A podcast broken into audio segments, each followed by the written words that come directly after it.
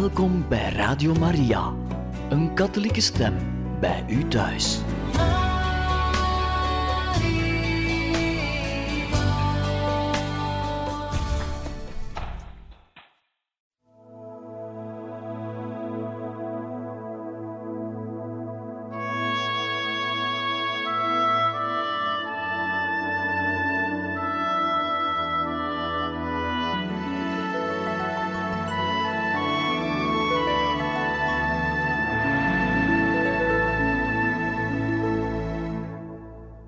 Beste luisteraars van Radio Maria, hartelijk welkom in dit programma Heilige Getuigen, waar wij verder gaan met de lezing uit het boek Hij had de moed om te spreken over de zalige Clemens August, kardinaal von Galen, bisschop van Münster.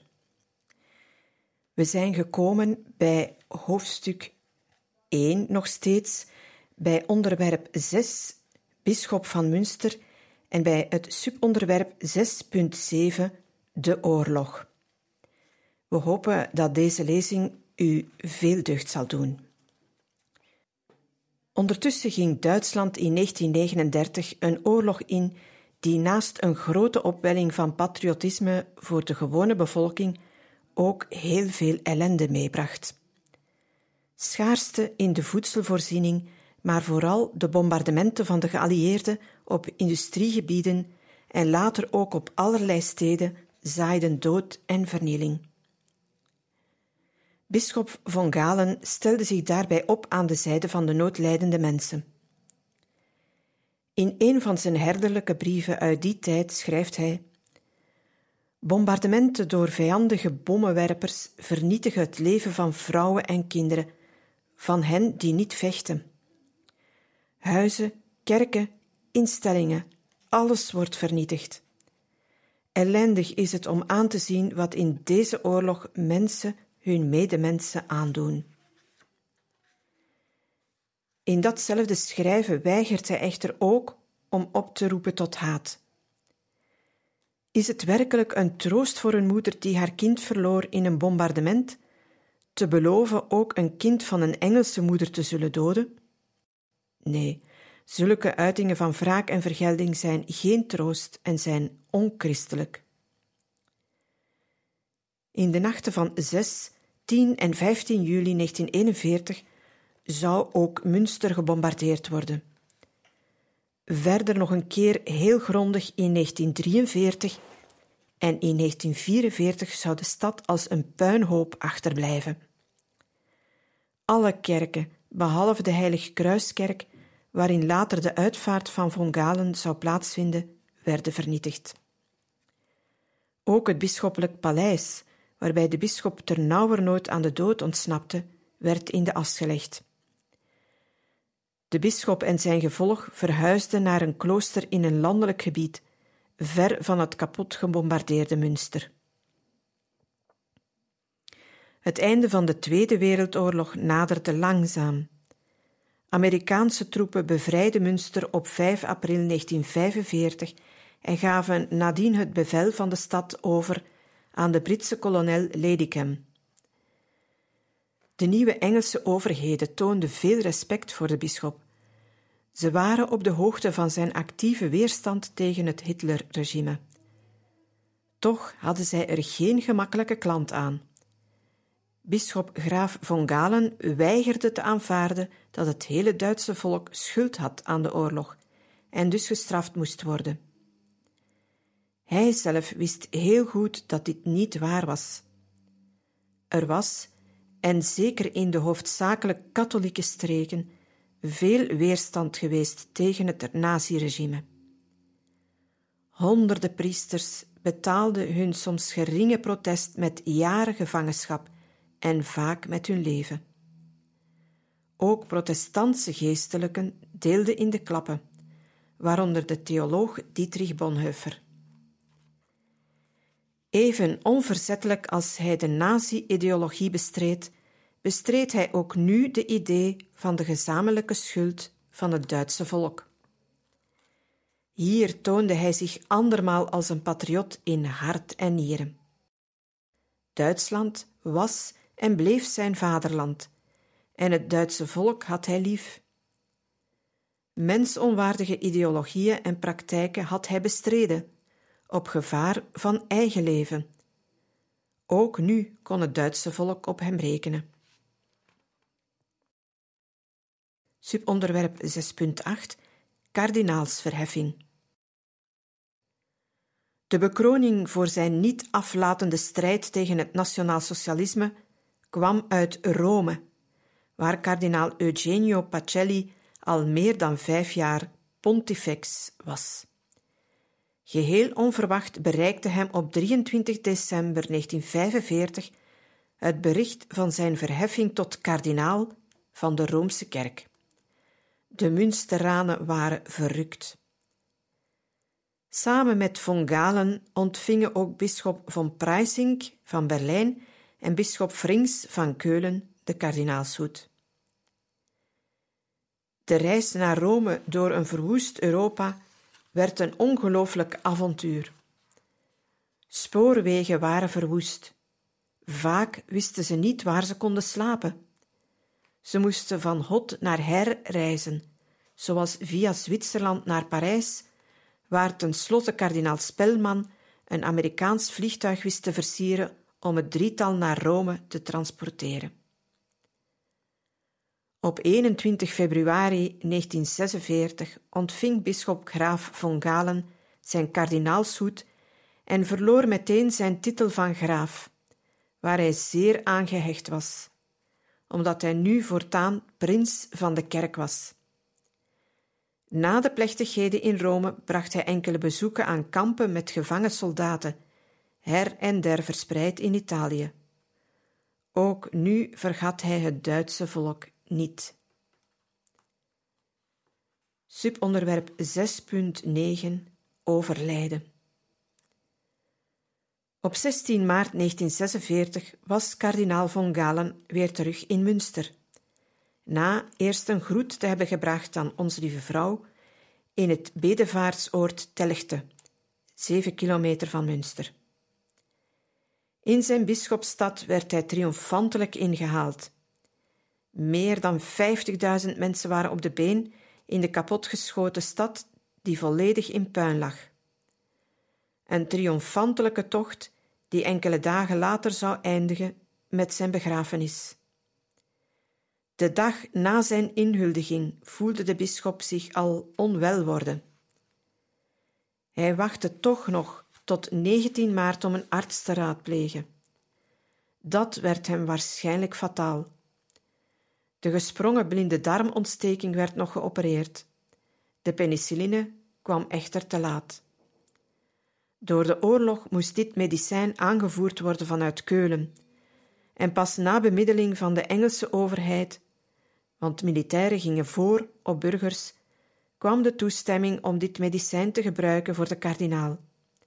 Het was echter te laat. Op 22 maart om 17 uur ontsliep Clemens August, kardinaal von Galen, in het Franciscushospitaal in Münster.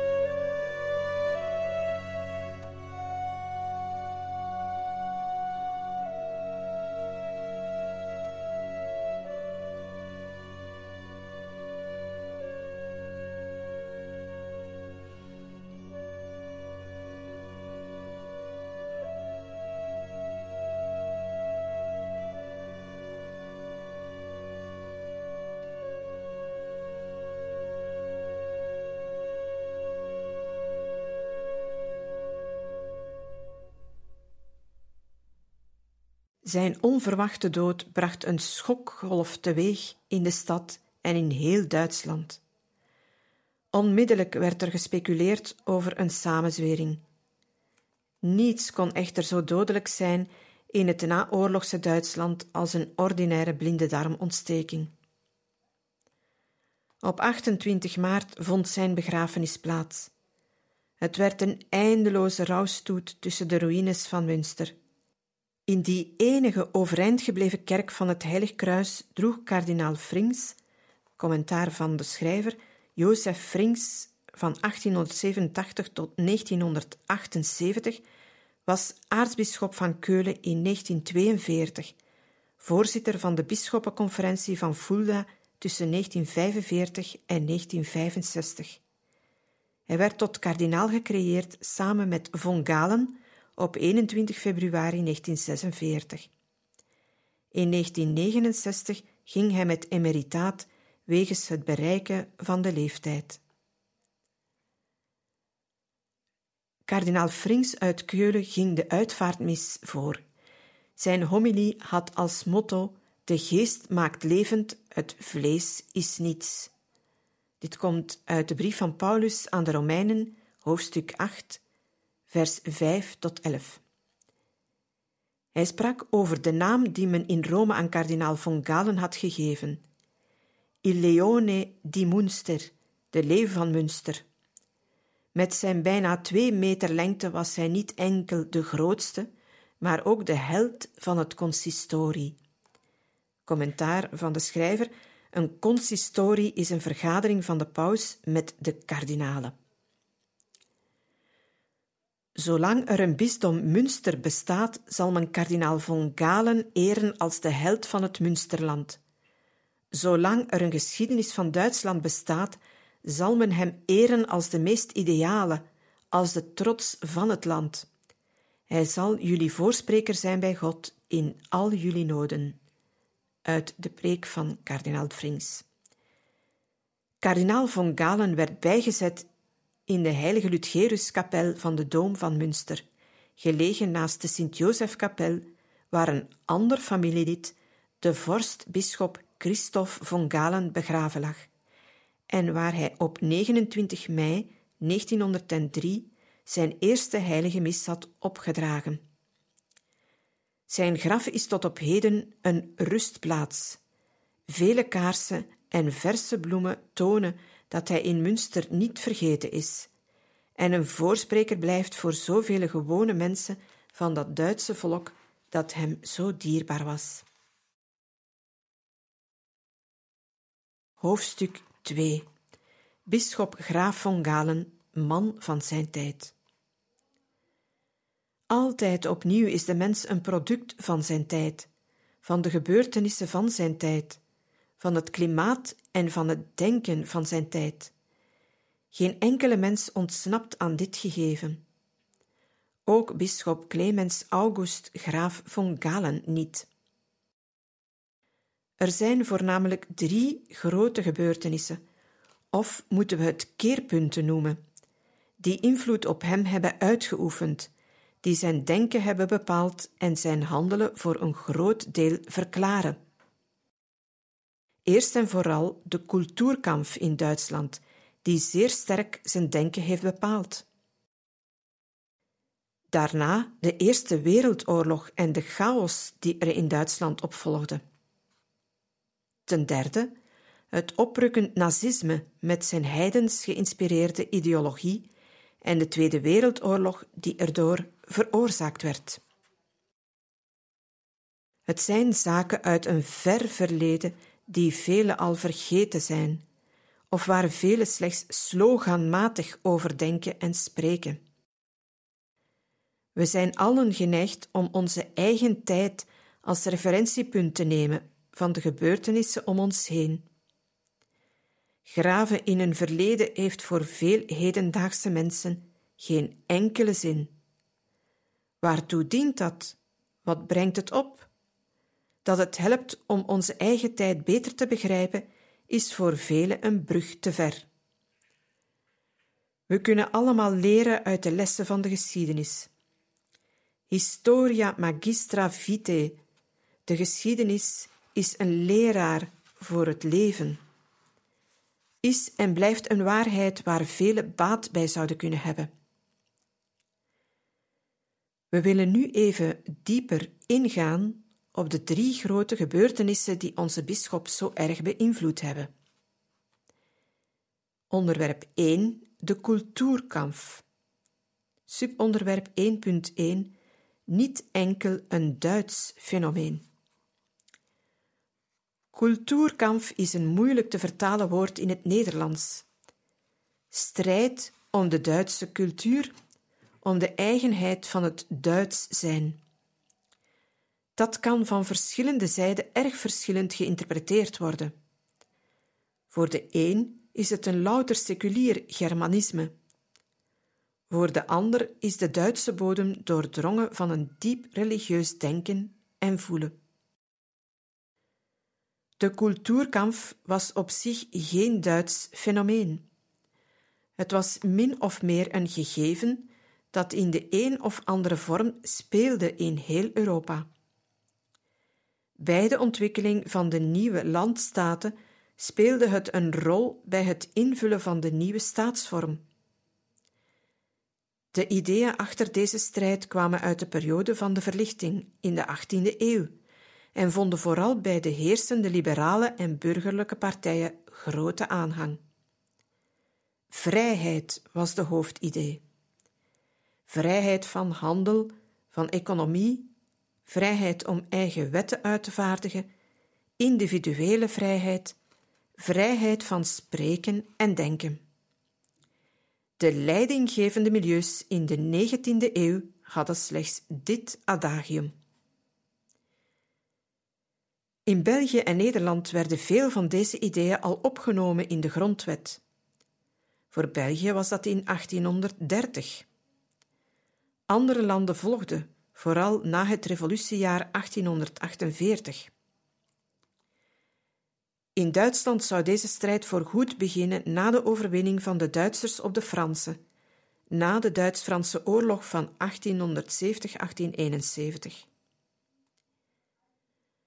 De onmiddellijke oorzaak van de cultuurkamp was de veroordeling door paus Pius IX, commentaar van de schrijver, Pius IX, graaf Mastai Ferretti, geboren in Senegal in 1792 en overleden in Rome op 1878. Was paus van de katholieke kerk van 16 juni 1846 tot 7 februari 1878. Hij werd paus onder de eenmaking van Italië, maar verloor uiteindelijk de pauselijke staten en beschouwde zich voortaan als de gevangene van het Vaticaan. Hij kondigde het dogma van Maria onbevlekt ontvangen af in 1854, riep het Eerste Vaticaans Concilie uit van 1867 tot 1870, publiceerde de Syllabus Errorum, syllabus van de dwalingen, die veel ontwikkelingen van de moderne wereld veroordeelde. De onmiddellijke oorzaak dus van de cultuurkamp was de veroordeling door Paus Pius IX van een hele reeks liberale dwalingen. Het vooruitgangsgeloof, de vrijheid van wetenschappelijk onderzoek, het burgerlijk huwelijk, het openbaar onderwijs, marxisme en socialisme, democratie, het soevereiniteitsprincipe van de nieuwe staat, enzovoort. Daarbij kwam als vrucht van het Eerste Vaticaans Concilie van 1869 tot 1870 het dogma van de onfeilbaarheid van de paus in zaken van geloof en zeden. In België gaf dit onder meer aanleiding tot de fameuze schoolstrijd van 1876, waarbij door de liberale regering overal openbare scholen moesten worden opgericht en de kerk het toezicht verloor op de ziel van het kind. De kerk reageerde daarop door overal, tot in de kleinste dorpen, parochiescholen op te richten, veelal geleid door religieuze congregaties die als paddenstoelen uit de grond schoten. Deze politiek zou de liberalen geen goed doen.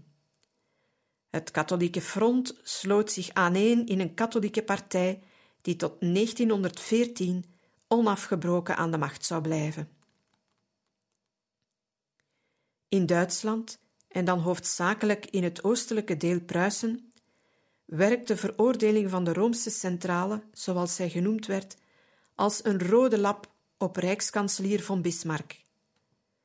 Duitsland was te zelfbewust uit de Frans-Duitse oorlog gekomen om zich nu de les te laten lezen door een buitenlandse macht, in dit geval het Vaticaan met zijn paus. Von Bismarck, en hij niet alleen, zag dit als een aanval op de fundamentele waarden van de staat. Von Bismarck, zelf afkomstig uit het protestantse Pruisen, had geen flauw idee van de katholieke gevoeligheden van zijn onderdanen in andere delen van het Rijk. Hij ging frontaal in de aanval met een aantal nieuwe wetten. Ten eerste de kanselwet. Iedere predikant die openlijk staatsgevaarlijke uitspraken deed vanaf de kansel, werd beboet en zou bestraft worden met gevangenneming en of verbanning. Ten tweede de wetten op het burgerlijk huwelijk. Dat moest voortaan gesloten worden op het stadhuis en niet meer in de kerk. Ten derde de wetten op de gemeenschapsschool, waar zowel evangelische als katholieke kinderen deelnamen aan het onderwijs. Ten vierde de wet op de opleiding van de klerus. Zij dienen aan een openbare universiteit een cultureel examen af te leggen in filosofie, geschiedenis en Duitse literatuur. Ten vijfde, de staat besliste voortaan over opleiding, benoeming en verplaatsing van de geestelijken. En ten zesde, de uitwijzing uit Duitsland van de Jezuïeten in 1872. Een hele reeks maatregelen die de Duitse bisschoppen beantwoordden met passieve weerstand, terwijl Pius IX in Rome al deze maatregelen ongeldig verklaarde. Bismarck wilde wel een kerk gedulden, zelfs een katholieke, maar dan wel een kerk die hij kon controleren. Een plaatselijke kerk, min of meer zoals de protestantse kerken, die los van een buitenlandse macht min of meer hun eigen ding konden doen. Rome en zijn paus waren er voor von Bismarck te veel aan.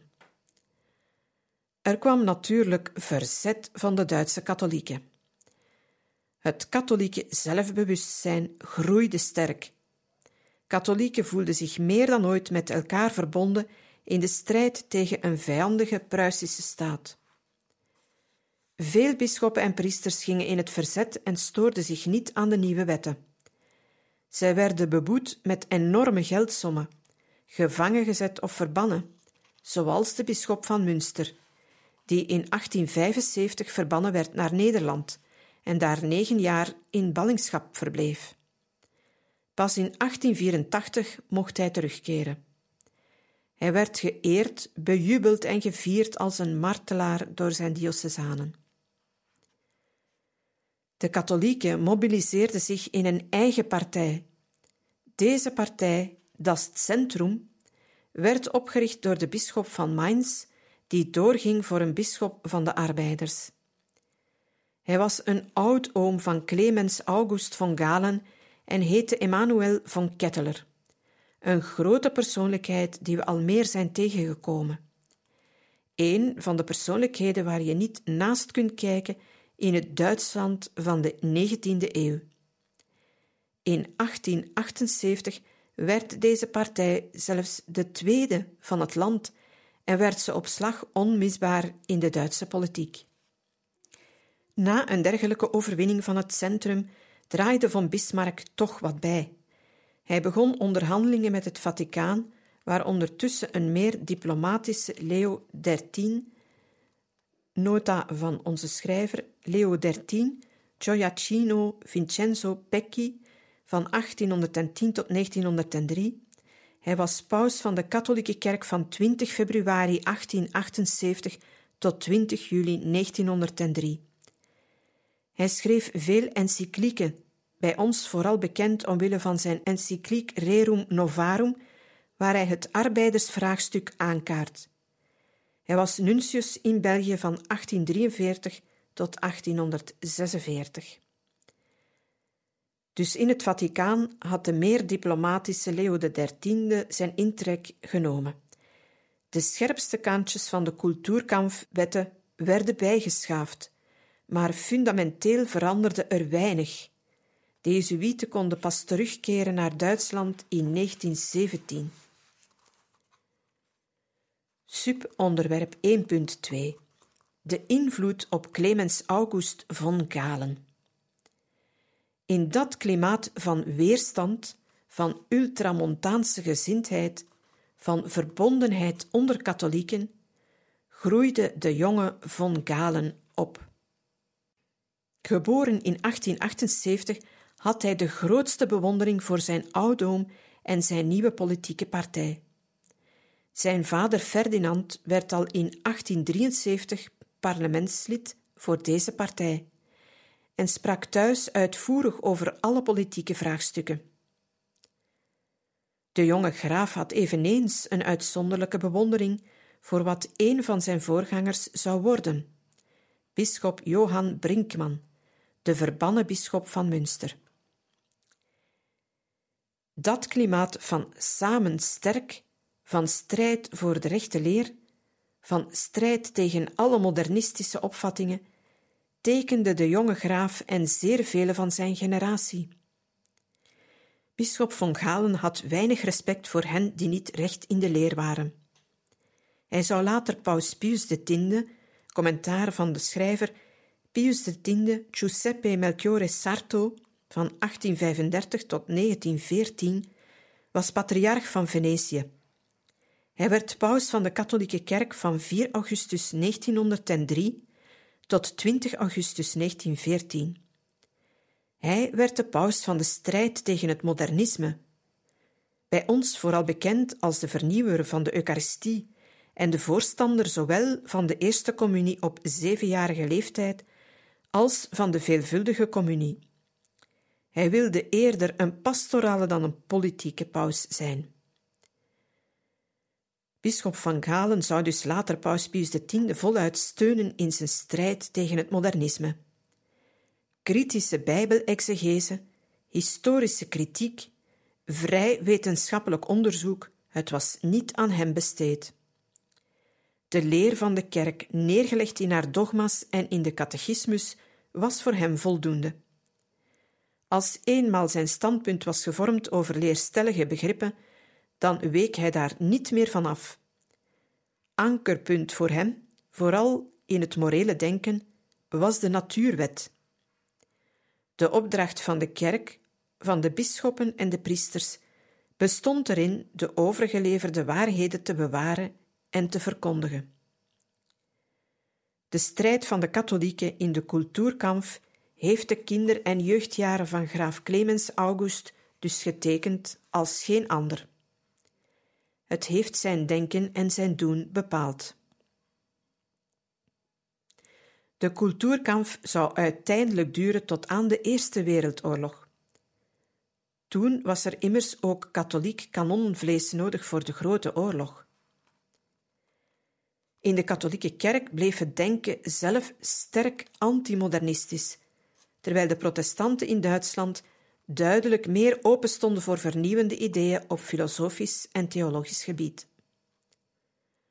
Tot op de dag van vandaag echter blijft het liberale denken van de verlichting en de secularisatie die erop gevolgd is, de kerk parten spelen. Het klassieke denksysteem van Thomas van Aquino en het neotomisme van de 19e eeuw van kardinaal Mercier en zijn Filosofisch Instituut te Leuven worden door velen afgewezen als zijnde niet meer adequaat voor deze tijd. Een nieuw denksysteem is er vooralsnog niet. Terwijl de ene erg ver meegaan in relativisme, modernisme, secularisatie en daarin de redding zien van de katholieke kerk, gaan anderen een andere weg op, die los staat van enig filosofisch denksysteem. De enige weg, zegt men, is teruggaan naar de evangelische bronnen, een authentiek beleefd christendom, is de redding voor alle problemen waarmee de wereld kampt. De geschiedenis zal later ook hier zijn zegje over doen.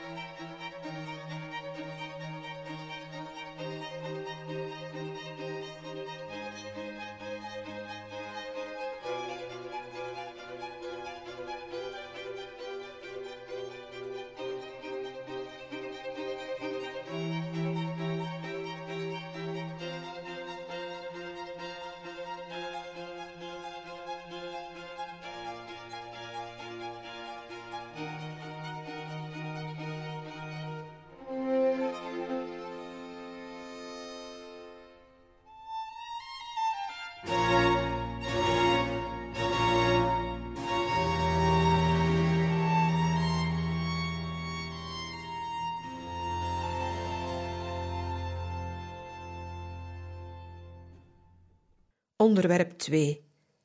De Eerste Wereldoorlog en zijn nasleep. In 1914 eindigde, zoals gezegd, de cultuurkamp pas echt.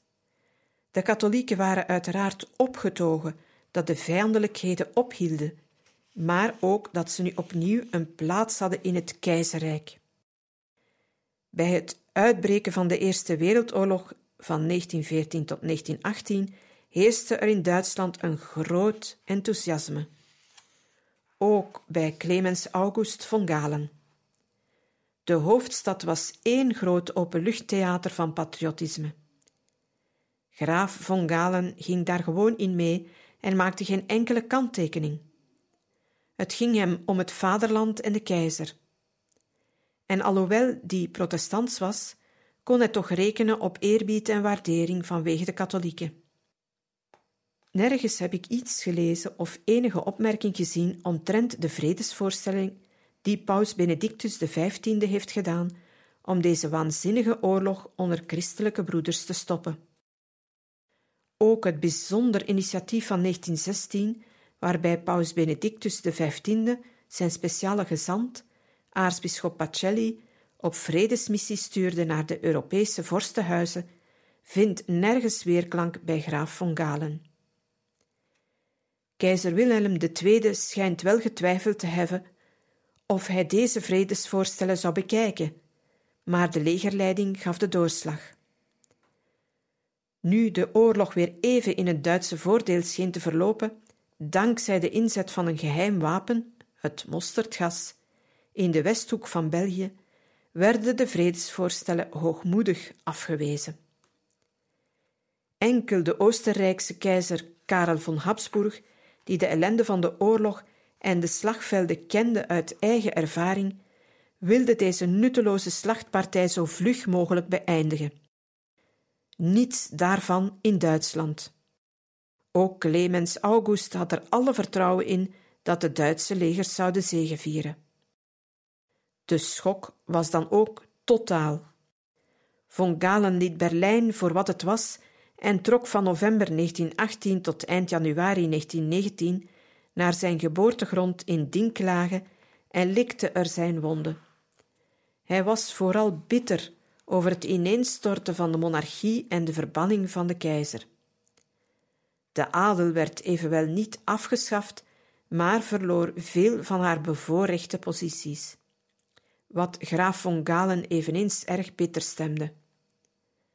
Voor Duitsland als geheel was vooral het verdrag van Versailles in 1919 een bitter resultaat, omdat de gehele schuld van de oorlog bij Duitsland neergelegd werd. Het is vooral deze nederlaag die sporen heeft achtergelaten bij de jonge priester Graaf von Galen. Zijn vaderlandsliefde was diep gekrenkt. Hoe moest het nu verder met het gezag? Er gingen jaren overheen vooraleer von Galen het uit zijn pen kreeg dat Duitsland nu een republiek was. Uiteindelijk zou hij toch krediet geven aan de Weimar-republiek, al was het maar omdat zijn partij, het centrum, aan alle regeringen die toen voortdurend wisselden, deelnam. Zolang hij maar ergens een transcendente grondslag kon vinden, was hij vertrokken. Een gezag zonder fundament in God was voor hem ondenkbaar. In die twintiger jaren van de vorige eeuw bleef hij indirect ook bezig met politiek, wat hem door de Berlijnse klerus niet in dank werd afgenomen. Ze verweten hem zijn adellijke graventitel, die hem volgens hen vervreemde van de mensen. Misschien speelde echter gewoon mee dat zijn collega's voelden dat hij niet echt één van hen was. Nee, hij was geen Berliner. Hij was een mens uit het vanzelfsprekend katholieke Münsterland. Beste luisteraars, we beëindigen hier voor vandaag deze lezing uit het boek Hij had de moed om te spreken, een bisschop onder naziterreur, de zalige Clemens August kardinaal von Galen, bisschop van Münster. En we gaan volgende keer verder met hoofdstuk 2, bisschop Graaf von Galen, man van zijn tijd, bij onderwerp 3, het nazisme. We hopen dat deze lezing u gesticht heeft. We wensen u nog een gezegende avond toe en tot een volgende keer.